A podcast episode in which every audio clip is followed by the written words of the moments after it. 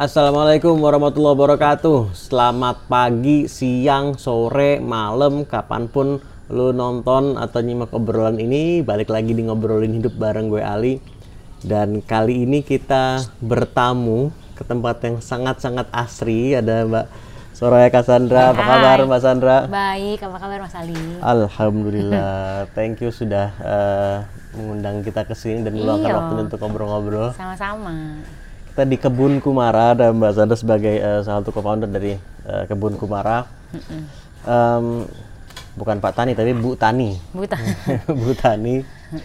Dan em, kita langsung aja. em, gue eh, melihat sekarang nih per- pertama kali tempat ini gue ini sebetulnya tempat ini dekat dari tempat tinggal gue tapi gue baru tahu sekarang. Eh, dan eh, Mbak Sandra punya perjalanan yang sangat menarik sejauh eh, yang gue pelajari, tapi gue ingin mendengar langsung juga dan belajar langsung eh, from you. Eh, sekarang ada kebun kumara, eh, berkebun, eh, bertani, tapi kan perjalanan awalnya nggak nggak seperti itu yang gue tahu dulu. em, pertama kuliah psikologi ya, tuh. kan? double degree di UI dan di Australia di Queensland di University Queensland ya. ya, Ya. iya. Nah, em, dari situ dulu kali ya. Apa namanya? em, memang suka psikologi atau atau nggak suka psikologi kayaknya gue ini bukan tempat gue deh. At- Oke, oke. Terus sampai akhirnya ke berkebun. berkebun gitu kan? Nah, atau eh, awal mulanya gimana? Dari eh, dulu? Eh, aduh nggak sesederhana itu ya. Tapi intinya kalau kayak kalau misalnya lulus SMA kan diwajibkan langsung kuliah ya. Hmm. maksudnya kayak zaman itu kayak orang tua aku tuh nggak ngerti ada gap year atau apa. Jadi kayak abis aku mendapatkan kesan pas aku eh, SMA itu abis lulus SMA ya langsung kuliah kan. Hmm. Eh, despite you knowing what you want gitu kan. Nah waktu itu ya karena kayak didesak aja kayak mau mau langsung kuliah mau kuliah apa ya udah. Aku mikir off the top of my head apa sih yang gue suka. Gue suka debat jadi gue ngambil kayak coba hukum terus coba HI juga karena gue kan kalau debat eh, dulu kan ikut ekskul debat sukanya suka nih yang kayak internasional internasional teams gitu Sempat ikut apa kejuaraan di Kanada juga kalau Ya, aku kan sempat ya? Indonesian Schools Debating Championship, pokoknya Jakarta Debating Championship yang Indonesia aku suka banget. Aku sama kakakku yang masuk ekskul itu terus ikut kompetisi ke mana-mana, gitu. Jadi aku mikirnya hukum sama HI aja coba. Terus terakhir di antara dua itu aku juga tertarik psikologi. Waktu itu tertarik psikologi lebih karena em, apa ya kayak penasaran aja sama jalan hidupku aja sih. Kan anak psikologi itu banyak banget kan yang kayak sebenarnya ngambil psikologi untuk dirinya sendiri. Nah, aku ngambil psikologi kayak untuk diri aku sendiri deh. Jadi waktu itu aku banyak aja kejadian-kejadian dalam hidup terus kayak pengen memaknai kenapa ya kayak gini ya? Kenapa ini kayak gini? Oke, psikologi ada jawabannya. Ini di psikologi gitu lah aku nggak ngerti. Naif banget berpikir kayak gitu. Jadi aku ngambil tiga jurusan itu. Terus akhirnya keterimanya di psikologi. Awal masuk psikologi di bayanganku keren juga kali ya jadi psikolog gitu. Pas udah masuk psikologi nggak mau jadi psikolog. Tidak, terima kasih. kayak urusan hidup sendiri udah cukup ini untuk ngurusin urusan hidup orang lain kayaknya aku nggak nggak cukup kuat gitu. Jadi akhirnya jadi psikolog nggak nggak termasuk lah dalam dalam benak aku saat itu. Udah long story short, aku emang dari dulu pas keluar dari psikologi pun tertariknya tuh di bidang pendidikan. Makanya pas lulus dari psikologi, aku jadi counselor dulu eh, di Sampurna School of Business. Habis aku ikut Indonesia mengajar, yang ngajar setahun di pelosok jadi guru. Terus balik-balik aku masuk company, masuk MNC, tapi itu ngambil bagian yang social impact. Ya dari tiga itu, akhirnya aku merasa ini kan semua kerja buat orang ya. Ya, ya. Maksudnya 9 to 5 jobs gitu kan yang, yang active income. Nah setelah tiga tahun lah di perusahaan ini yang aku coba corporate role, aku ngerasa kayaknya this is not for me aja, nggak serk aja. Ya udah pengen coba pindah haluan, pindah kuadran dari active income ke passive income dong. Hmm, hmm. Ya udah, nah pas sudah mau pindah ke passive income inilah kebetulan aku habis nikah sama Dira juga. Terus kita sama-sama ngegodok bareng nih kita kalau mau mulai bisnis, pengen berkarya bareng, pengennya di bidang apa? Hmm. Karena kan kita nggak mau yang kayak jualan kos kaki gitu atau jualan tas atau it does not what I want to do kan. Jadi kita nyari ini ngulik apa ya apa ya. Nah dalam proses pencarian itu hal hasil dapatnya jadi kebun kumara. Oke, wait, wait. kita kembali dulu sebentar. itu long story short banget ya. sebentar, sebentar. Em, jadi it- itu adalah eh, daftar isinya mungkin obrolan kita. Nah sekarang kita ke bab pertama deh. Iya, kan. Tadi oke. kembali ke situ, atau mungkin bahkan bab kedua ini, cuman nggak apa-apa deh. Kita mulai dari situ. Eh, psikologi tadi itu, jadi Hmm. setelah masuk, memang tetap eh, memang tertarik, tapi eh, setelah masuk, gue nggak ingin berprofesi sebagai psikolog gitu Ya. kan. Eh, tapi Benar. eh, enjoy juga kah atau kan- Sangat enjoy. Oh oke oke kan Sangat banyak orang yang enjoy. ah, salah jurusan nih gitu kan. Iya iya iya. Like, mm, that's a very good question. Mas Ali apa jurusannya waktu kuliah? Gue ekonomi marketing nah. Nah, kepake nggak sekarang? Oh kepake. Kepake kan? Jadi Kepake, menurut aku kepake. kadang-kadang aku juga suka ngerasa salah jurusan itu mungkin kadang-kadang diartikan sama orang kalau lo ngambil jurusan A, terus katanya jurusan A tuh harusnya kerjanya ini ini ini Hmm, doang. hmm, Seakan-akan kalau nggak jadi itu lo salah jurusan. Ah. Kayak kalau di generasi nenekku tuh dia selalu ngomong kenapa ya nak kamu kok kok nggak jadi psikolog? Padahal kamu udah psikologi 4 tahun. Tapi aku selalu coba menjelaskan ke dia, enggak psikologi aku yang 4 tahun ini juga nggak go to waste kok. I use it every day di kebun kumarang. Kita kan dealing sama kurikulum. Kita Hmm. bikin edukasi buat anak, kita bikin edukasi buat orang dewasa. Itu kan semua ada psikologinya di situ kan. Iya, iya, iya. Komunikasinya, ada perkembangan mereka disesuaikan sama cara belajarnya. Itu psikologi aku kepake banget. Hmm, hmm. Jadi aku selalu ngerasa nggak salah jurusan juga sih. I enjoyed it a lot. Nah, tapi, tapi untuk jadi psikolog ya enggak gitu. I see, I see, I see. Heeh. Dan dari situ eh, terus habis itu memutuskan untuk berangkat ke ke Maluku Ya, kan Ikut, selama ya. setahun di sana ya. setahun. Selama setahun dan itu eh, apa tuh eh, prosesnya? Se- Seperti apa sampai akhirnya memutuskan ke sana?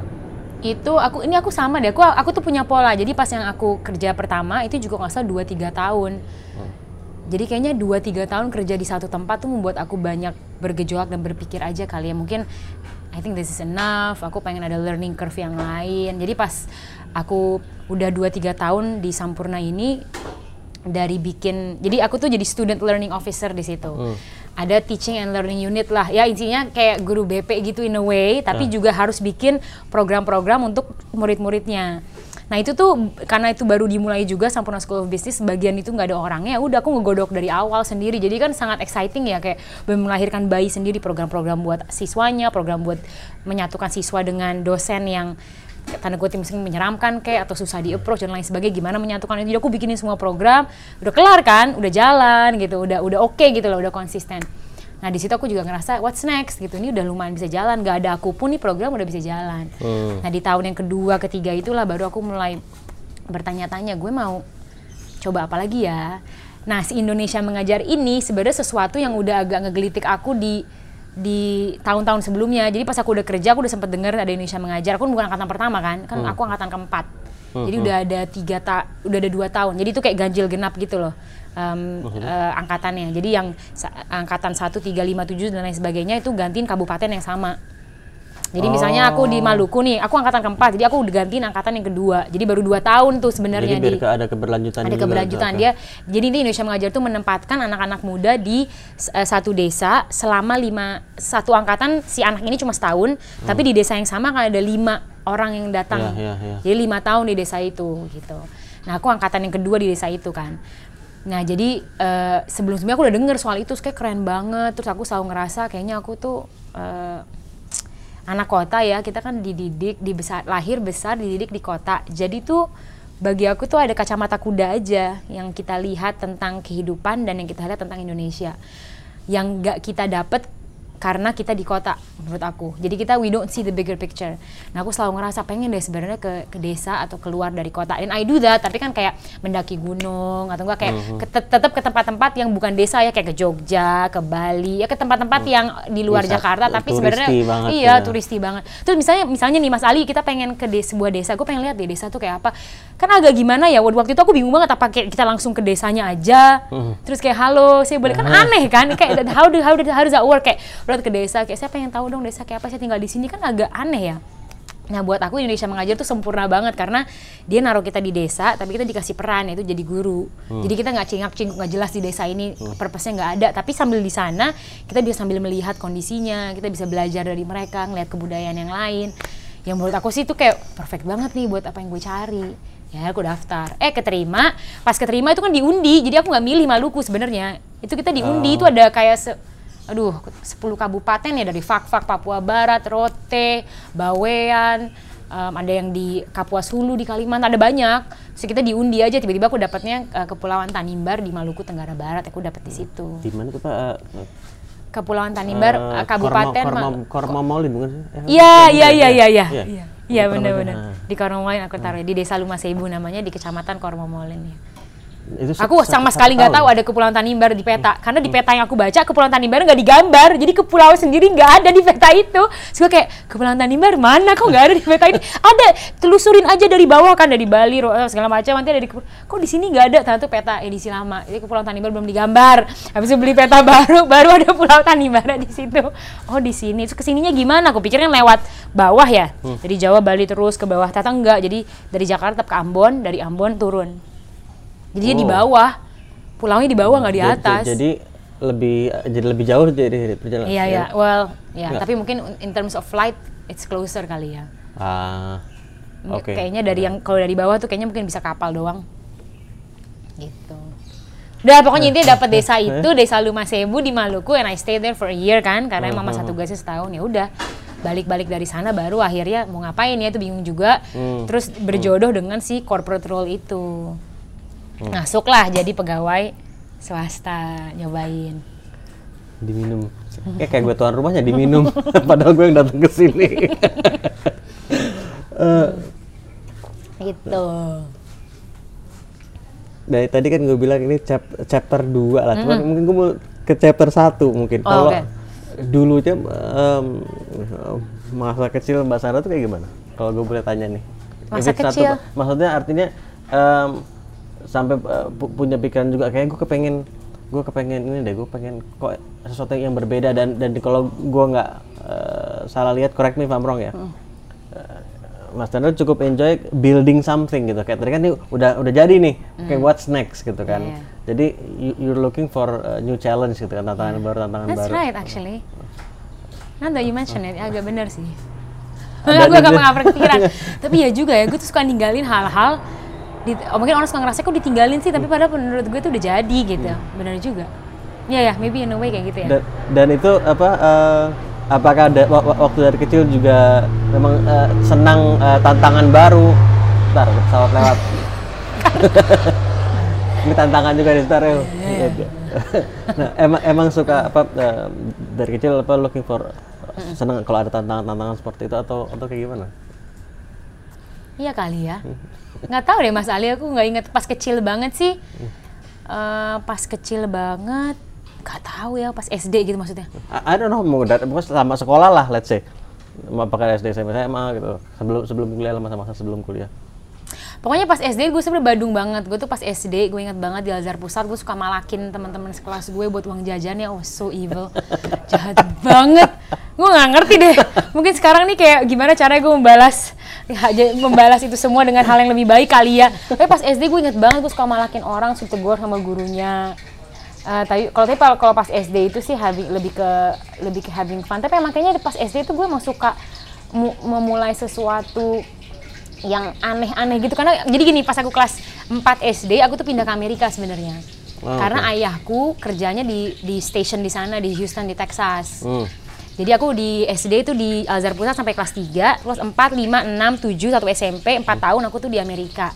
Hmm. gitu. Dan itu aku berangkat nggak bisa bahasa Inggris pokoknya nggak ngerti apa-apa lagi gimana sih anak bocah SD ikut sama bapaknya tiba-tiba. Dan itu out of the blue tiba-tiba dikasih tahu kayak yuk kamu pergi ke Amerika. Tiba-tiba kayak beberapa bulan kita udah packing so aku kayak oh, oh. pamit-pamit sama semua anak langsung pergi ke Amerikanya itu. Nah aku inget sih pas di sana Mas Ali tahu kan main karet, tahu nggak sih tahu, SD tahu, yang tahu. kita pakai karet, abis itu Yes. kayak lompat aja. Nah, I introduce that to all my friends di Amerika. Mereka nggak ngerti kan itu apa. Di sana tuh kayak susah banget nyari karet. Kalau kita kan bikinnya kayak tiga karet jadi satu, sambungin, iya, sambungin. iya, iya. Di sana tuh nggak ada. Jadi kita beli kayak semacam tali yang agak elastis gitu. Jadi kayak I think they have like these ropes ya, kayak ropes aja sih yang mas- yang kaki kita masih bisa masuk ke dalamnya. Nah, itu banyak banget dijual. Jadi aku beliin, aku beliin. Terus aku ngajarin, ini gue sotoy banget. Dari dulu tuh makanya eduk pendidikan ngajar-ngajar itu aku suka deh. Jadi gue kayak oke, uh, so four of you here, four of you. Jadi kita kan ada lapangan gede buat taman bermain playground kan. Kalau di luar negeri itu playground gede banget, kayak lebih gede daripada kebun ini semua kali. Terus nanti anak-anak tuh kayak berempat, berempat aku kayak assign, kayak kayak pick four people, pick four people. Itu nih masing-masing aku kasih rope. So, ada dua yang berdiri kan standar kan, Ya, dua ya, berdiri ya. di ujung-ujungnya. Nanti dua tim ini, oke, this is what you do first ya. So aku tunjukin yang kayak masuk, injak, masuk, Nah. keluar. Masuk silang, injak, masuk kayak gitu aku ajarin semua. Nanti kalau udah, you get it up to your knees, habis itu ulang lagi segala macam. Udah nanti aku- ada kayak lima kelompok, jadi 20 orang yang masing-masing kelompok. Nanti aku keliling-keliling, oh yeah, you're doing it right, good job. Nanti aku keliling sana, oh itu bagus, itu aku ngelakuin itu loh pas. SD. Gak banget sih, kalau aku pikir lagi kayak gue norak banget ya. And it went on for like one semester. Ya, tapi kan namanya anak SD jadi bosan ya. Iya. Akhirnya yang lain bosan juga sih, tapi I did that for one semester. Terus aku mikir kayaknya pas aku pas aku SD tuh aku suka kayak gitu-gitu tuh suka kayak padahal nggak sotoy, suka sotoy kali ya. Suka sotoy. Terus aku ingat banget kalau dia di sana tuh ini berkesan banget buat aku, dia tuh punya buat anak SD kelas 4 sama kelas 5 karena SD kan cuma sampai kelas 5 kan di sana. Jadi dua jenjang ter- tertua tuh dia punya namanya poetry break. Poetry break itu adalah kita ngafalin satu puisi, apa pun puisinya, terserah dari buku mana pun, udah dihafalin, nanti kita audisi. Audisi. Untuk orang yang bisa membawakan puisinya paling menarik dengan gaya-gaya tertentu, dengan kostum tertentu, dia menang. Nah, kalau menang dia dapat apa? Kalau menang dia jadi kayak eh, salah satu orang yang bisa membawakan puisi itu keliling sekolah. Namanya poetry break. Jadi kayak bener-bener istirahat. Jadi aku akan ngetok di kelas-kelas tek tek tek. Kayak poetry break gitu. Nanti mereka oh come in. Nanti aku masuk ke kelas itu. Terus aku mementaskan poetry ini buat mereka menghibur mereka kayak cuma Jadi semenit kali lagi ya. di lagi tengah kelas gitu. tengah-tengah kelas aku akan ngelakuin poetry break ke kelas-kelas lain habis itu kayak poetry break habis itu mereka oh kamin kamin habis itu nanti aku akan ngasih puisi aku mereka semua nonton dan bereaksi lah ya. Habis itu aku keluar udah gitu doang. Nah for two years in a row aku ngelakuin itu. Jadi aku ngafalin puisinya Shel Silverstein atau siapa kayak uh, aku ngafalin aku akan pentas. Padahal aku tuh orang deg-degan banget deg-degan banget. So I don't really like it actually tapi I did it anyway jadi aku suka ngerasa kayaknya dulu pas gue kecil gue tuh suka suka kayak menantang diri untuk keluar dari zona nyaman gitu. Jadi sebenarnya aku tuh nggak suka pentas depan orang tuh nggak enak.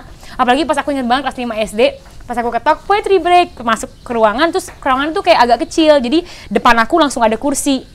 Ah. Pas aku masuk balik badan dong semuanya. Terus yang balik badan tuh gue ingat banget Justin atau siapa tuh ganteng banget. Terus gue naksir gitu sama dia. Kelas 5 SD kayak, "Oh, Justin di depan gue, Terus gue deg-degan banget." Habis aku terbawain puisinya sih.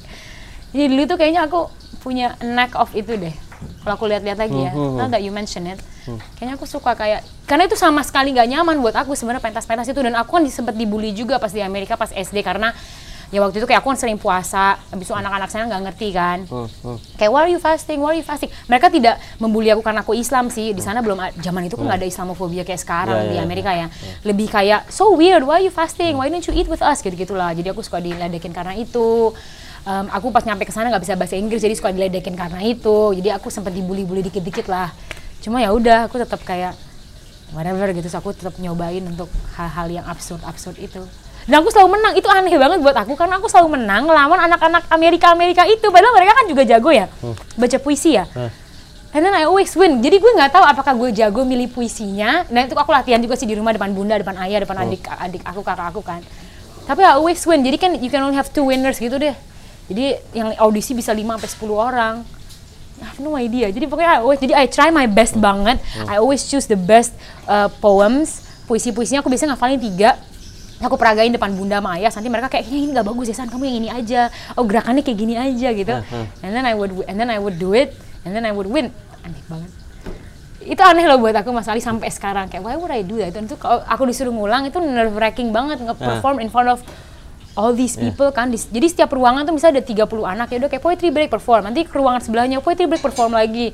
Gitu terus dari kelas. Seluruh sekolah itu jadi aku perform ke satu SD, 2 SD, 3 SD terserah mau kelas mana yang aku perform aja. Kadang masuk ke lab ke lab science jadi mereka lagi pada kayak ngetes ngetes bahan-bahan kimia juga kayak poetry break terus mereka kayak berhenti dulu kayak oke nontonin gue poetry break.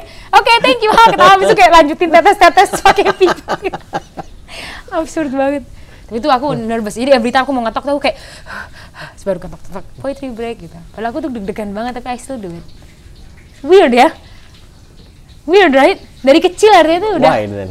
I don't know I think I don't know Kalau em, kalau saat dari eh, saat memutuskan untuk ikut Indonesia mengajar untuk berangkat ke sana sebagai pengajar muda, pengajar muda istilahnya kan ya? Iya, Apa? pengajar Ya, muda, ya. Ada rasa takut juga nggak? Hmm, enggak sih aku lebih excited. Hmm. yang takut orang tuaku. Ah, ya takut banget. Kayak lo ngapain? Ninggalin kerjaan ngapain ke pelosok? Di sana nggak kenal siapa-siapa di sana nggak ada sinyal nggak ada listrik. Lo mau ngapain di situ? Terus it's so uncertain kan? Ya. Di- eh, kalau kita nge- nyari di internet aja soal Tanimbar foto-foto yang muncul zaman itu masih sedikit. Karena it's like apa 2012 well it's apa eight ya eight nine years ago itu nggak seheboh itu Instagram sama Iya, iya. YouTube still loh nggak Iya, kayak iya. sekarang. Social media tuh kan baru memuncak banget kayak belasan ya. Ya. 2000 belasan akhir gitu. Jadi itu kayak there's no information Bu- bunda juga nyarinya di internet Tanimbar tuh apa ke sananya? Gimana? Nggak jelas. Hmm.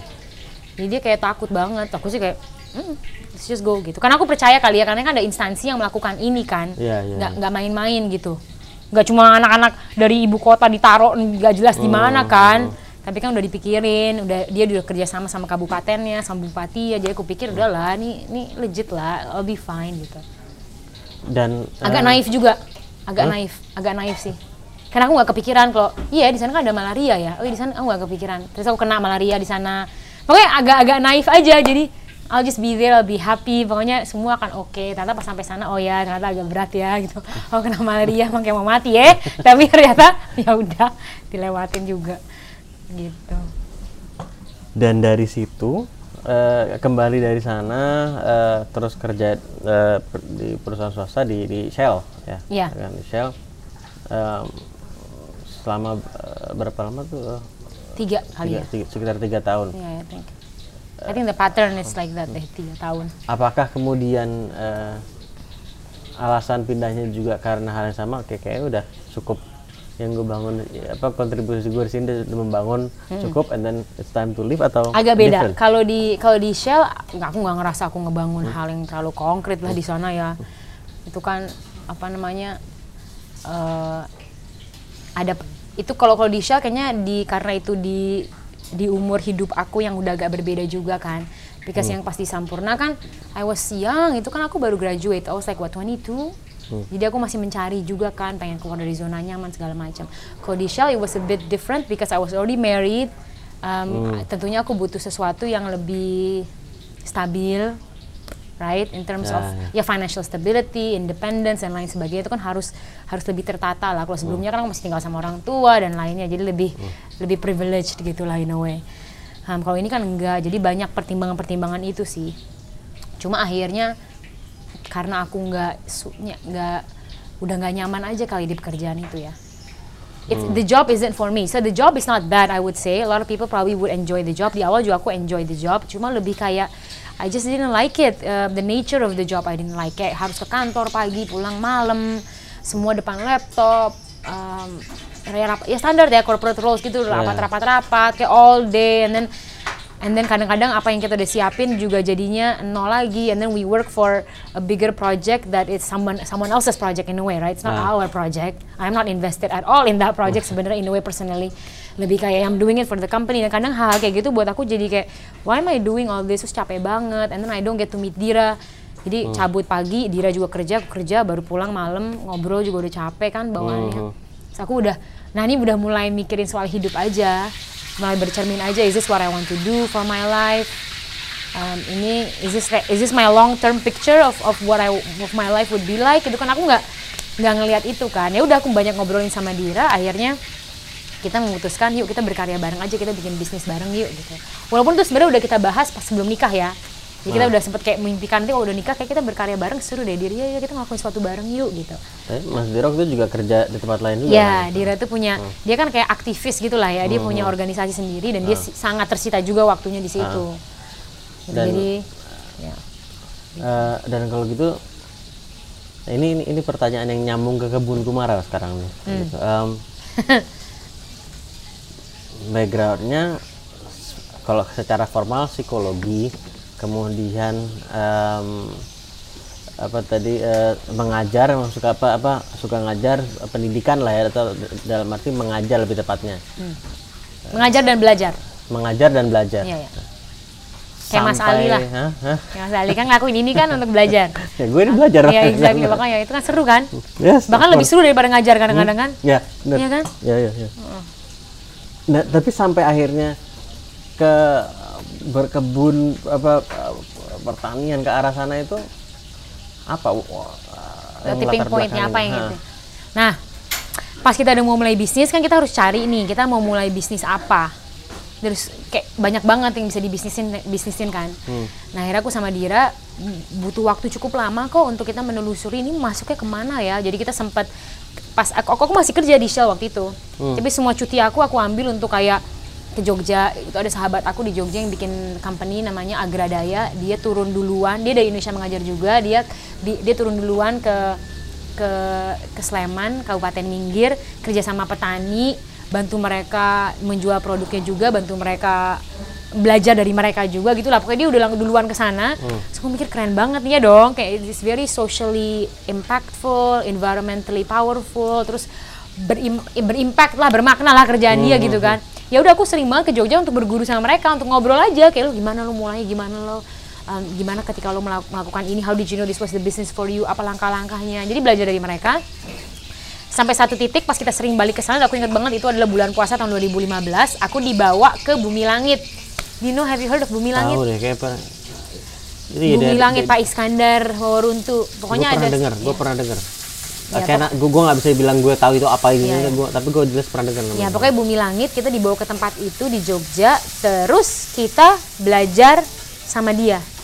Jadi basically belajar sama dia tuh gini, kita datang ke sana lagi bulan puasa jadi sepi, dia punya warung. Jadi orang tuh bisa tahu, biasanya tahu Bumi Langit dari warungnya, kafe, warung Bumi Langit. Hmm. Nah warung Bumi Langit itu nyediain makanan yang enak banget sih. Ibu Dar, istrinya Pak Is yang masak itu super enak. Nah biasanya orang tahunya dari dari warung. Nah hari itu kan bulan puasa warungnya tutup. Tapi biasanya kalau kita udah ke warung itu, kita suka dikasih tour di bawah warung ini itu rumahnya, di bawahnya itu kebunnya. Oh. Jadi yang dimakan di warung ini itu sebagian adalah banyaknya dari si kebun ini, plus dia banyak mendukung produk-produk lokal juga lah ya. Nah pas kita ke sana, warungnya tutup, kita ketemu Pak Iskandarnya langsung, dia emang udah deket sama Asri, sama keluarganya Asri, si Agradaya Eh. ini. Akhirnya aku dikasih tour sama Pak Iskandarnya langsung. Si Asri cerita, Pak ini ada temen aku dari Jakarta, pengen dong belajar soal alam, pengen pengen belajar soal lagi ngulik-ngulik pertanian. Waktu itu aku saya mikirnya pertanian alam gitu aku sama Dira karena kita sama-sama suka alam ya. Jadi kita lagi nguliknya alam bisnis buat alam sama manusia yang serasi itu apa gitu. Dan nyampe ke sana Pak Iskandar ngasih tour baru dia cerita semua tentang lifestyle kali ya sustainable lifestyle gaya hidup yang lebih kalau dia menamakannya selaras dengan alam atau toib gitu yang lebih baik. Saya cerita aja gimana kenapa kebun itu penting, gimana dia mendesain rumah agar dia bisa makan dari rumah itu, gimana dia mengelola sampah di rumah dia biar semuanya tuh terkelola di situ. Dia cerita gimana dia filter air-air kayak cuci piring, air bekas ngejegrek, grey water, black water itu gimana dia filter sampai jadi bersih dia bisa pakai lagi untuk nyiram nyiram kebunnya. Pokoknya itu kayak bener holistic approach, semua yang terhubung dengan rumah dia, dengan gaya hidup dia. So aku kayak, aku sama dia sih tertampar banget aja ngeliat itu karena aku ngerasa kenapa kita nggak pernah diajarin di kota kan? Hmm. Kayak kenapa kayak gaya hidup yang kayak gini tuh nggak ada di perkotaan, sedangkan itu bener-bener bagus banget dan eh, mungkin zaman sekarang kata-katanya mindful kali ya itu yang banyak dipakai sama orang kan. Dan itu bener-bener dipraktekkan ke dalam keseharian di zona terinti dia itu rumah dia itu semua. Yo pulang dari situ aku langsung mikir sama dia, dir kayaknya kita harus kayak ngelakuin ini terus gimana caranya biar wawasan ini tuh bisa ada gitu di perkotaan jadi orang nggak harus jauh-jauh ke Jogja Hmm. atau ke Bali untuk bisa memahami ini pendekatan hidup ini yang sekarang banyak disebut permaculture Ya, ya. ya permaculture itu kayak istilah modern sih Em, tapi intinya kayak nenek moyang kita aja kayak masyarakat adat kita aja dia hidup tapi dia selaras dengan alam. Jadi dia, dia ngambil sesuatu buat dia tapi dia mengembalikan kebaikan juga. Tapi itu dilakukan setiap hari bukan kayak sekali-sekali nanam di hutan gundul nggak gitu. Kalau orang kota kan gitu kan nyumbang pohon tanam di hutan gundul kelar gitu. Gue udah baik buat buat alam. Tapi sehari harinya masih masih berantakan gitu. Sedangkan kan yang bener adalah mungkin lo nggak usah nyumbang kali ke hutan gundul mungkin lo keseharian lo aja yang lo benerin biar hidup lo tuh lebih baik gitu secara kontinu gitu terhadap alam ya udah akhirnya aku belajar dari situ belajar permaculture ngambil akhirnya nabung nabung akhirnya Februari tahun depannya 2016 aku ngambil permaculture design course di Bumi Langit. Dia mengasih kursus itu. Kursus dua minggu kita belajar soal permaculture prinsip-prinsipnya apa gimana menerapkannya di rumah mendesain kebun eh, mendesain kehidupan ini semua. Ya udah akhirnya kita ambil kursus itu pulang-pulang kita garap kebun kumaran dan nah ini biar nggak bingung kenapa kok tiba-tiba mau larinya ke nggarap kebun dan lain sebagainya? Karena dulu kan ini tuh kebun kumaran tuh kantornya Dira. Ah, jadi dia sudah punya akses ke lahan ini. I see. dan sudah dekat sama pengelola lahan Hmm, ini. hmm, hmm. dan dulu nggak kayak gini ya dulu nih banyak banget. Wah dulu nih kayak bener gelap terus pohonnya kebanyak banyak banget pohon jadi kayak dulu nggak mungkin bisa di kebun ini tuh baru karena pohonnya ditebang karena udah keropos baru jadi kebun Ah. cuma kita udah punya akses ke lahan kayak gini terus Dira sering banget ngobrol sama pemiliknya juga sama aku juga kita ngomong kayak Mas Heru karena Mas Heru ini keren loh kalau tempat ini sih wisata situ gintung ini jadiin green gitu, benar green education. Jadi nggak cuma belajar batik atau budaya yang udah ada, Hmm. tapi bisa belajar berkebun, bisa belajar uh, merawat alam, nyemai, nyiram dan lain sebagainya buat anak-anak. Beliau setuju. Jadi at the back of our heads kita selalu udah punya bayangan it's going to be this place that we're gonna be turning into si Ah. semi bumi langit Ya, itulah ya, ya, ya. gitu karena kita udah punya tempat ini makanya kita kayak we just connecting the dots kita punya kita udah punya akses ke tempat ini pemilik lahannya yang tempat kita nyewa ini dia udah setuju dengan konsep besar kita ini ya udah kita connecting the dots aja ngambil permaculture design course biar kita belajar ngedesain um, biar kita tahu harus digimanain lalu ngembangin kurikulum pendidikannya karena itu emang passion aku udah kita connecting the dots aja akhirnya jadi kebun kumara yang kayak gini Jadi memang betul-betul sebelum sebelum itu nggak nggak kepikiran sama sekali. Enggak, aku nggak pernah berkebun sebelum kebun kumara. Ya. Jadi aku tidak pernah ngompos. Aduh, nggak pernah nginjek tanah, nggak pernah megang tanah, kayak sekam bakar, sekam mentah, I have no idea itu apa. Ya aku Ya, semua gua belajar baru dari denger istilah itu. Iya kayak kulit kulit padi aku mikir oh ini kulit padi aja kulit kulit padi. Jadi aku baru tahu kalau itu namanya sekam mentah gitu yang bisa dipakai buat nanam. Aku pikir itu kayak kulit padi entahlah diapain. Dulu tuh aku bener-bener dulu tuh aku sama dia tuh posisinya adalah kita tuh sangat suka sama alam. Jadi kita tuh punya bucket list yang daki gunung setahun sekali wajib sama adik-adik kita. Terus uh, ada bucket list pokoknya ke pantai, uh, ke gunung, pokoknya harus selalu ke alam. Cuma standar kita benar-benar pecinta alam tapi nggak merawatnya sama sekali lah gitu Hmm. Kayak standar we appreciate it right? We we kita ter terkesima dengan keagungannya tapi kalau di kalau mau jujur kalau kita balik ke rumah keseharian kita nggak ngerawat-ngerawat alam juga. Nggak ngompos nggak apa beli plastik segala macam masih lah ya. Nggak nggak mindful sama sekali. Baru kita belajar di sana permaculture belajar dari bumi langit tentang gaya hidup tentang desain ruang yang lebih mindful yang lebih baik. Baru kita lebih ngeh jadi emang kayak flip the switch, bener-bener flip banget sih kalau udah ke tempat itu. Makanya aku selalu, kadang kalau orang belajar ke kebun kumara terus dia udah bener-bener deep banget, udah punya pertanyaan yang deep banget. Jujur aja aku suka ngarahin dia, kamu ke bumi langit aja gitu. Aku selalu ngarahin dia ke sana karena di sana tuh sangat mateng kan dan eh, yang dan praktisi keseharian banget dan Pak I sama anak-anaknya Krishna semua tuh guru-guru kita, mereka tuh udah bener-bener men- menjiwai hidup yang selaras dengan alam itu. Jadi kalau ngobrol sama mereka tuh pasti banyak banget ketampar lah soal asal usul makanan kita, soal ke- ketidakpekaan kita sama apa yang kita minum, teh kita dari mana, petani yang nanam teh ini kayak apa hidupnya, itu kan semua terputus ya kalau di kota ya. Mhm. Nah itu dia bisa menyambungkan itu semua sampai sampai nanti kita sadar kalau oh ternyata kita sebagai konsumen pun bisa gua nggak nanam pun we have a, apa ya kita punya andil yang sangat amat besar gitu untuk menentukan kesejahteraan orang lain, untuk menentukan alam itu akan jadi seperti apa. Nah aku baru dapat pemahaman itu pas ke bumi langit sebenarnya dan itu aku keselnya juga. Gue kesel kenapa kok ini mungkin it's two part ya. Mungkin gue ignorant juga jadi gue gak nyari-nyari sendiri. Padahal itu udah banyak banget online. Tapi gue juga kesel kenapa kok di perkotaan ilmu-ilmu seperti ini ya yang kayak sangat basic kan menumbuhkan makanan sendiri keterhubungan dengan alam keterhubungan dengan orang yang menumbuhkan makanan kita. Kenapa itu nggak diajarin gitu di, di kota? Dari SD nggak pernah dapat sampai kuliah pun itu nggak tertuang gitu dalam apa yang kita pelajari. Ya aku kesel banget juga sih. Jadi ada amarah di situ makanya kayak gue harus bikin kebun kumara biar semua orang tuh bisa tahu hal-hal kayak gini yang tadinya mungkin mereka nggak tahu. Ah. yang sekolah atau kampus nggak ngajarin ke orang-orang ini. Kita bikin kebun kumara. Um, dan saat memulai itu ada Nah. ada ada rasa takut juga nggak ini? Tapi bisa nggak ya? Gue gue kan sebelumnya nggak ada latar belakang di sini dan eh, sebelumnya juga bekerja di institusi orang gitu kan ini kayak eh, new entrepreneurial journey juga gitu in a way gitu loh ya. Iya. Do you have any, eh, did you have any fear juga saat memulai gitu? Ayo. Hmm. Fear ya. I don't know, mungkin dibilang enggak, enggak akur. Aku sebenarnya udah nggak inget sih Mas Ali.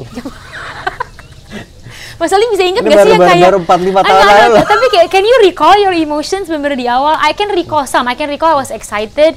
I can Hmm. recall I was anxious. Anxious yang kayak, bisa nggak ya, bisa nggak ya, gitu lah Ah. standar lah ya. Cuma kalau itu fear kayak takut gagal, gue nggak, gue gimana nih? Itu I didn't really Kan udah, didn't- nabung dan lain-lain ya. Nah, aku udah nabung, itu udah jelas. Ah. aku udah nabung terus em, terus aku mendapat support karena aku ah, oh karena aku ngejalannya bareng Dira kali ya Hmm. jadi I had spousal support. Dan buat aku tuh support system tuh kunci banget sih. I, aku aku nggak ngerti how people can do it alone. Kan some people kan just kayak membangkit terus sendiri-sendiri gitu. I just can't imagine not having a support system. Itu menurut aku penting banget. Dan karena aku ada di IRA nah itu spousal support yang sangat kuat. Plus aku ngajak adik-adik aku kan. Jadi kebun kemarin tuh pendirinya empat sebenarnya. Jadi adik aku sama suaminya tuh juga kita ajak diskusi dari awal jadi I had their support, I had my older sister support juga di awal yang ngasih funding. Jadi dia jadi kayak angel investor kita lah. Kita kan miskin nih, habis itu dia kayak banyak uang, kayak mbak bantuin, jadi kasih uang gitu kan untuk bikin ini itu. Jadi that support was very very crucial. Jadi aku nggak pernah merasa fear maybe ya, because of, because of the support. Fear ya, anxious I was Yeah. anxious, tapi fear enggak. Karena uh, dan dan also opsi ke, apa um, I had kalau nggak ngakuin kebun kumara kan artinya I had to be in my other in my previous job kan, and I didn't like that. Atau- Jadi atau- kayak atau nyari kerjaan lain gitu iya juga, emang ny- nyari kerjaan lain itu was an option for me juga. Why? karena tadi kayaknya aku udah aku nggak mau nih 9 to 5 job Oh, lagi. Jadi I oke, wanted to leave the 9 to 5 the 9 to 5 apa active itu ya. income rutin rutin gitu loh. Emang pengen ninggalin itu. Jadi it was either I stick with the old job or start something new yang bukan another job tapi kayak business gitu ya udah daripada gue balik Nah. mundur mending maju gitu kan ya udah the I just took the risk Dan em, saat awal-awal eh, membangun kan, I imagine pasti juga tantangannya juga sangat banyak. Mungkin orang orang belum tahu, orang mungkin belum terlalu peduli, mungkin Iya, iya. Em, sekarang aja mungkin masih banyak yang nggak peduli, gitu, tapi awarenessnya mungkin paling nggak pelan-pelan mulai naik. Tapi kan dulu kan Iya, nggak iya. seperti ini. banget sempat ya terpikir ini nggak sempat terpikir ini is it worth it or not sih sebetulnya is it is it going to work or not sempat ada keraguan-keraguan seperti itu nggak? Hmm, kalau keraguan aku lebih kayak ini kena misalnya gini di awal itu kan di awal itu eh, konteksnya kan aku juga baru belajar berkebun aku juga baru belajar tentang si lifestyle inilah si permaculture ini jadi I'm not expert right Hmm. nah sedangkan aku juga pengen bikin kebun kumara jadi ini kayak kita kita udah berlayar tapi kapalnya belum jadi. Persis kayak gitu kan. Hmm. gitu kapalnya tuh kayak baru jadi setengah tapi kita udah berlayar aja gitu. Jadi I was learning while building kebun kumara sebenarnya. Jadi obviously di awal itu lebih banyak gagal. Kita kita tuh baru dapat kelas publik yang bener-bener oke itu tahun 2017 akhir ya. Jadi satu setengah tahun tuh bener cuma buang-buang duit doang. Cuma di, di, di benak aku sama Dira setiap kali aku lagi stres gitu kayak aduh gimana Dira Dira selalu bilang san orang tuh ngelakuin hal yang sama dengan ngambil S2 di kampus mana. Ya kamu harus anggap satu setengah tahun ini ini juga bentar banget ya san kan orang kan S2 bisa sampai 2-3 tahun. Ini tuh lagi kayak kita lagi belajar aja. Jadi ibaratnya kamu kamu percaya aja uang yang kita taruh di sini tuh kayak uang pendidikan kita. Terus gue pikir bener juga. Kayak ya obviously nggak mungkin lah gue baru belajar dua minggu di bumi langit. Terus gue nggak punya pengetahuan apa pun soal berkebun tiba-tiba gue bikin kebun kemarin terus berhasil kan nggak kan nggak nggak mungkin seinstan itu kan ya udah jadi mindset aku emang di awal tuh gimana caranya gue belajar aja. Jadi kita kayak belajar nanam dari awal otodidak semua belajar berkebun. Oh berkebun tuh harus digali dulu nggak sih? Tanah bawahnya atau langsung di atasnya aja. Kayak gitu kita belajar dari YouTube belajar lagi dari si bumi langit tanya-tanya orang praktekin. Terus praktek itu kan nggak bisa sekali ya Allah cabai aja kan 8 bulan baru berbuah Ya, kan harus baru ditungguin ya. dong. iya dong. juga kan terus ya. ada dua musim apa enggaknya ya harus exactly ya. habis itu ada dua musim musim kering sama musim hujan. Kita harus we have to experience both kan kita harus tahu oh ternyata musim hujan masalahnya ini ya. Oh kalau musim kering masalah ini ya. Dan sampai sekarang pun sebenarnya kita masih belajar ya jadi banyak hal yang kita juga belum tahu gitu. Nah tapi di awal itu ya udah we just we just kept doing it jadi every day aku datang ke sini ya udah belajar ada yang di kebun ada baca-baca ngelakuin lagi nulis sambil bikin proposal-proposal ke sekolah-sekolah ceritain kebun kumara tuh why-nya apa background-nya apa dibikin proposal yang bagus. Nanti datang ke sekolah presentasi ke sekolah mau nggak sekolah datang ke tempat kita untuk belajar gagal lakuin itu gitu terus. Satu setengah tahun di awal tuh mungkin satu setengah sampai dua tahun. Sampai akhirnya kita garap ulang kebun ini kita desain ulang terus jadinya lebih layak juga secara presentation. Seorang baru banyak yang datang setelah itu. Mungkin karena juga udah bagus kali ya kurikulum dan um, learning learning method kita karena kan nggak karena karena gini kan aku ngerti banget ya kita aku nggak pernah berkebun sebelumnya. Terus untuk mulai berkebun itu kan bingung ya. Karena kan nggak nggak se nggak gimana ya mungkin kayak orang mau mulai masak juga kali ya agak-agak bingung-bingung gitu kan agak cingak-cinguk nih harus diapain nih kalau kita mau bikin you wanna make a bread gitu you wanna make a dough kan agak bingung nih masuknya gimana. Nah berkebun buat orang kan kayak gitu juga kan bingung gitu. Ini gue siram kebanyakan nggak ya? Gue tahu nih kebanyakan dari mana ya? Ini potnya cukup besar nggak itu kan banyak banget Ya, kan. ya, ya. Nah jadi aku pengen mendesain gimana caranya kebun kumara itu kalau kita ngajarin ke orang, kita ngajarin tuh ke orang awam-awam itu, ke orang-orang kayak aku yang nggak ngerti sama sekali. Jadi have to make it very simple, very easy, tapi juga deep kan. Dan aku ngelihatnya pas aku dapat semua materi pas aku awal belajar tuh semua dalam bahasa Inggris. Kalau aku nyari dalam bahasa Indonesia, ada itu paper-paper pertanian-pertanian gitu loh yang udah Even wak- waktu di Bumi Langit tapi ma- materi-materi dalam bahasa eh, materi yang udah banyak ditranslate sih, tapi Ah. banyaknya buku-buku di permakotnya dalam bahasa Inggris kan, ya. gitu. Jadi kalau aku juga ngerasa oh tadi kalau orang nggak bisa bahasa Inggris, kok misalnya dia nyari di Google gitu, yang dia dapat informasi yang bagus, tapi sangat akademik gitu. hmm, Yang kayak pastikan pH tanah anda sekian, Ya, lalu ya. pastikan campur kayak kaku banget. Aku aja nggak belajar, aku aja kayak agak bingung belajar kewalahan aja terlalu berat Ah, gitu, ah. nggak sama sekali bukan bahasa awam. Nah akhirnya di kebun kumara aku sama yang lainnya juga setuju. Ya udah kita bikin ini lebih simple aja sesuatu yang toh yang banyak yang belajar di kebun kumara juga nggak jadi petani, bukan bukan orang yang mau jadi petani. Kalau dia mau Hmm. jadi petani dia akan mendalami dengan sendirinya. Ini lebih orang-orang yang pengen hobi, yang pengen berkebun buat nanam kangkung organik buat ibunya, pengen berkebun bareng anaknya kan gitu kan. Aha. Nggak perlu sampai dalam-dalam banget gitu, Iya, sampai iya. teknis-teknis Teknis banget banget, enggak. Yang penting dia paham aja tanah tuh kayak apa, perbandingannya seperti apa, ngaduknya kayak apa gitu. Jadi kita desain itu akhirnya. Nah, itu yang makan waktu lama di awal. Itu Nah. yang trial errornya banyak banget. selama selama proses itu apa banyak trial and errornya baik dari si Hmm. nanemnya maupun sisi apa em, memasarkan atau menjual lah tadi buat proposal ngajak orang Ya. biar tahu dan seterusnya banyak gagalnya juga Gagal terus. Gagal terus we didn't make any money. dan nah selama selama We just itu burned money. Apa tabungan? Se- pernah pernah terpikir nggak eh, apa mungkin it's time to call it off ya gitu udah mungkin berhenti di sini aja kali ya kayaknya. Nah, kalau aku aku nggak kepikir itu karena di saat karena menurut aku fondasinya kebun kumara itu bukan dia sebagai bukan hanya dia sebagai bisnis. Jadi aku pengen ngembangin kebun kumara itu tentunya orang-orang yang bekerja di kebun kumara yang mendirikan kebun kumara bisa hidup dari kebun kumara. Jadi it's financially stab- stabilizing the people within it itu pastilah ya. Cuma kebun kumara itu kan kita berjuang untuk sebuah tekad sama purpose yang lebih besar kan. Maksudnya aku sebagai anak kota, aku merasa hidup gue sebelum gue usia berapa tuh artinya 20 what 7 sebelum gue 26 27 itu segitu segitu nggak pekanya gitu sama alam. Kehidupan gue tuh sama sekali tidak berarsiran dengan alam, nggak ada yang gue lakuin yang bisa dalam konotasi itu merawat alam, segitu cueknya dalam keseharian kita. Kita nggak ngerti cara nanem dan buat aku tuh basic banget. Kita nggak ngerti tentang tanah, padahal itu ya rumah terakhir jasmani kita juga kan di situ. Jadi maksudnya banyak keterputusan dari dari kehidupan di perkotaan sama alam yang buat aku tuh sangat fatal. Dan pantas aja sekarang orang kota disuruh ngerawat alam susah banget. Ya iyalah karena dia nggak paham gitu. Dia nggak menemukan eh, keterhubungan dan koneksi dia sama alam bahwa alam itu bukan yang alam terus ada gue. Tapi kita tuh bagian dari alam. Dia nggak menemukan itu. gimana dia disuruh ngerawat? Ya mungkin harus dikasih sanksi kali. Denda baru dia mau ngerawat gitu. Harus ditakut-takutin. Tapi dia nggak punya this inherent love for nature gitu to nurture to nurture nature. Nah itu kan harus di build kan. That awareness has to be built. It has to be fed. It has to be nurtured juga biar orang ini tuh mau gitu beraksi dalam keseharian. Jadi nggak cukup cuma mengubah attitude doang tapi mengubah behaviornya. Hmm. dimulai dari awareness kan dimulai dari emotional buildingnya interconnectionnya. Nah aku ngerasa harus kebun kumara tuh ngambil peran di situ. Jadi nggak cuma nggak cuma sebagai bisnis aja tapi purpose lebih besarnya adalah bener-bener mendekatkan masyarakat kota dengan gaya hidup yang lebih sustainable gitu gaya hidup yang lebih mindful. Karena di situ tuh banyak banget sekali meaning yang di kota tuh kita nggak bisa dapet kalau misalnya menurut kami kalau kalau kita punya kebun itu lebih gampang kita merasakan itu. Hmm. karena di kota jujur aja there is no there is no playground apa nat- natural playground nggak ada. Kecuali kita ke, ke taman-taman dan taman-taman kota kan tanaman hias semua ya Ya, ya. sama rumput kan. Nggak ada nggak ada keterhubungan yang mendalam. Kalau kita punya kebun pangan tuh interaksinya tuh dari awal sampai akhir dan berulang. Jadi nyemai nanem ny- mangkasin nyiram. Kok nggak disiram dia mati panen kalau nggak dipanen dia mati. Panen panen panen. Ngolah panennya nyiram lagi. Habis oh dia udah mati nih. Ngangkat cabut dia jadiin kompos. Nyemai lagi dari awal.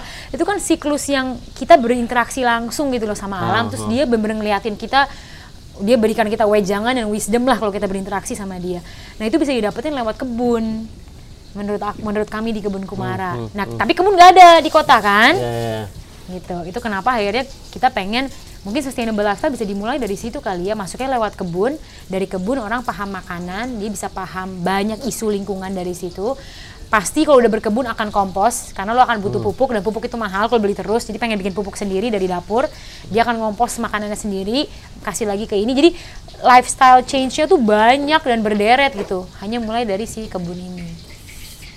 Dia membawa alam bener-bener alam yang megah kayak gunung kayak laut kayak hutan tapi ke rumah. Dengan miniaturnya berupa kebun. Satu dua pot tuh juga kebun loh mas Ali. Ya, ya. ya si tanamannya itu kan. Interaksi itu. Jadi aku nggak pernah merasa balik ke pertanyaannya apakah akan apa, udah aja kali ya. Aku nggak pernah merasa itu. Yaudah kebun kumara berhenti aja ya. Karena emang kebun kumara was it's not like a it's not like a passion project yang kayak oke udah tahap segini done let's go to the next one. Enggak it's it's more of a purpose. Ah, jadi it's not kalau purpose kan you cannot leave it behind ya. Mungkin kayak Mas Ali kayak I, I like people, I like helping people finding their purpose. Kan gak tiba-tiba kayak oke I, I finish ya helping all of you kan nggak gitu kan. It's your Yes. purpose kan. Yeah, yeah. You keep doing it. Nah, aku Yeah. ngerasa itu adalah nafasnya kebun kumara. Jadi there is no finish line. hmm. Emang la- lanjut terus Terus aja. Ben- bentuknya bisa berubah, bisa dari edukasi kayak sekarang, bisa tiba-tiba kita jualan merchandise, bisa kita bantu garap kebun orang, bisa lagi nanti banyak-banyak lagi nggak tahu Hmm. ya. Tapi purpose-nya nafasnya ya itu. caranya bisa beda-beda gitu. menarik dan jadi untuk merawat alam kita harus bisa memahami alam gitu. dan eh, masih banyak orang yang belum memahami alam dan bahkan belum memahami bahwa kita setiap kita itu adalah bagian dari alam itu sendiri So, Nah, aku melihat itu di generasi muda sekali karena banyak banget sekolah-sekolah yang datang ke sini, uh, sekolah swasta, just say. So we're talking about apa nih, uh, middle upper class uh, parents, right? Hmm. Um, anak-anak mereka datang ke sini di- disuruh nyeker, nginjek rumput nggak mau. Alasannya uh, takut, standar takut sama takut sama rumput, takut sama cacing. And then ada lagi yang kayak takut dimarahin ibunya.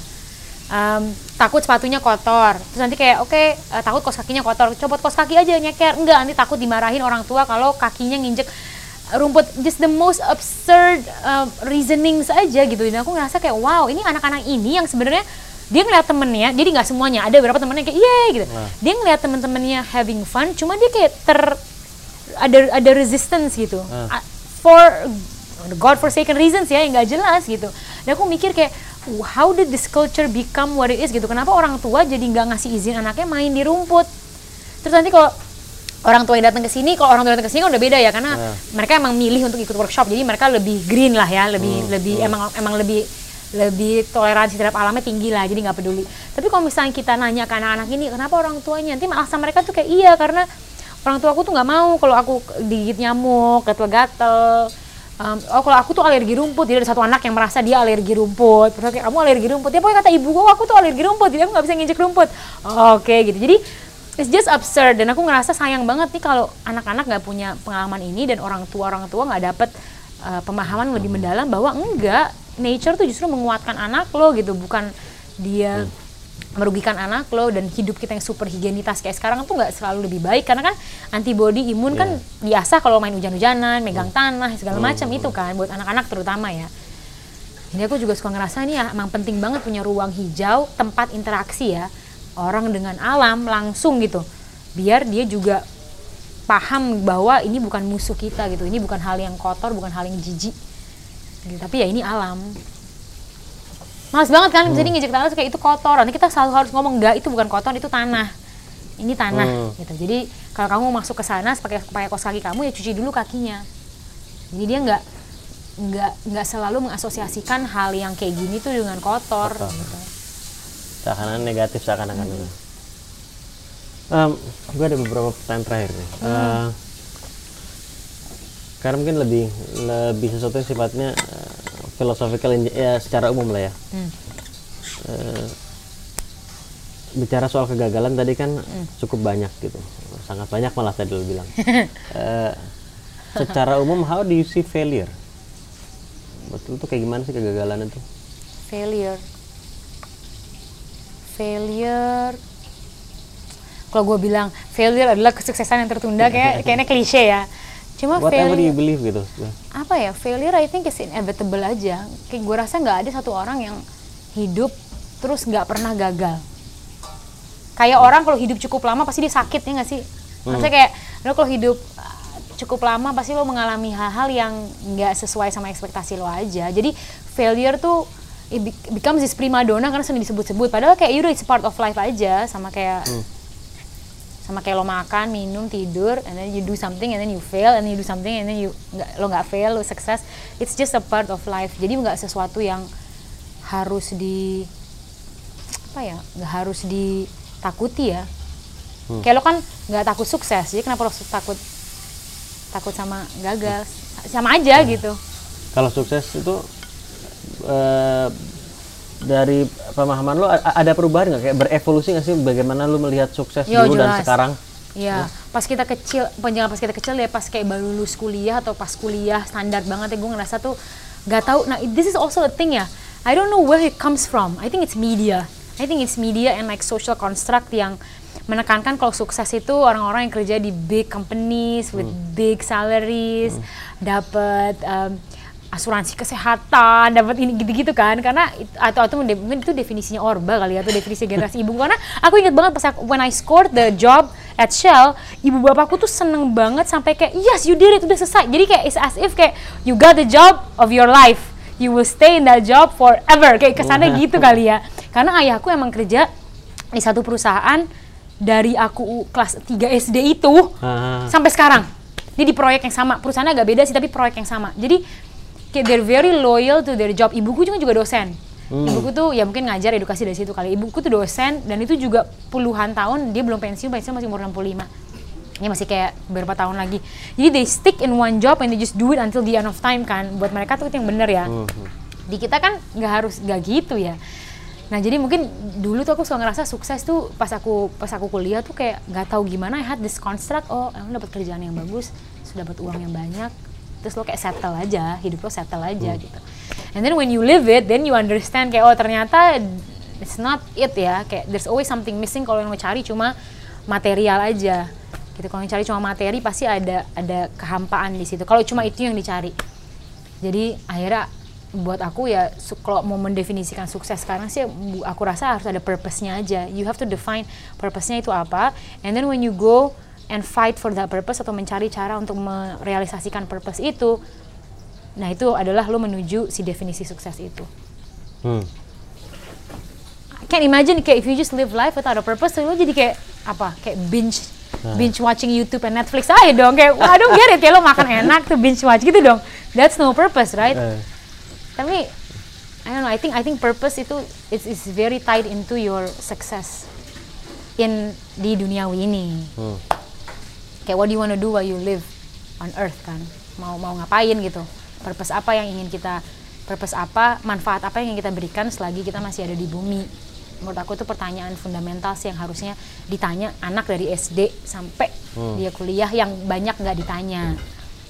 Karena kalau aku ingat banget pas SMA tuh kalau misalnya ada career day, ya kan suka ada Hmm, career ya. day. Ingat nggak yang datang siapa? Orang tua orang tua yang datang. Nih ya, orang tua yang datang aku masih ingat banget pengacara, dokter, em, dosen, eh apa lagi ya? Pokoknya ba- bangkir bangkir, right? Ah. Investment banking, lah lah CEO mana? Kayak it's always people yang sukses in ya, materi ah. aja gitu.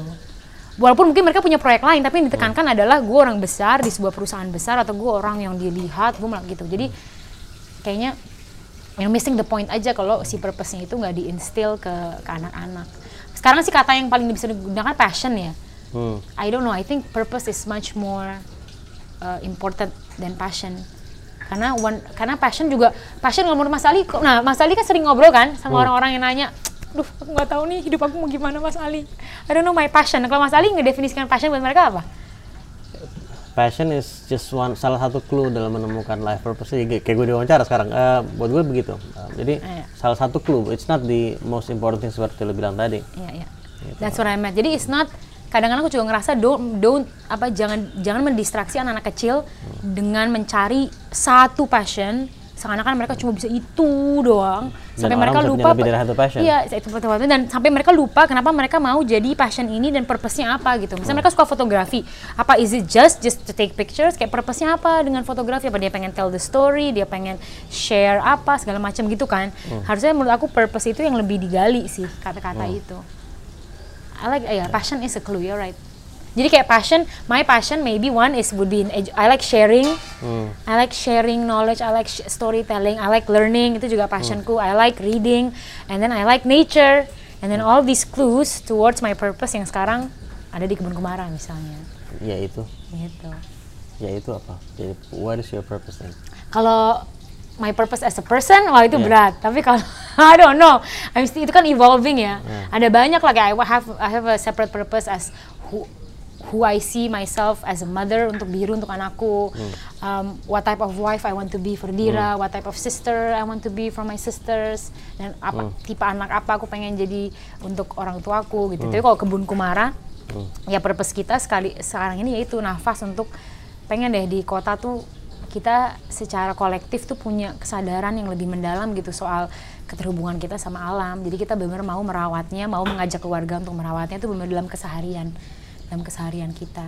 Dan aku rasa kalau secara kolektif kita punya itu, kita akan lebih apa ya, lebih mindful in in in so many ways, lebih mindful secara konsumsi, lebih mindful terhadap apa yang apa yang kita dukung, apa yang kita pilih, apa yang kita beli, gimana cara kita merawat barang yang kita punya. Gitu-gitu sih. Jadi bagiku tuh efeknya panjang banget kalau kita bisa punya ngeh gitu loh kalau alam itu bagian dari gue juga. Jadi gue nggak mau ngerusak dia gitu Thank you so much.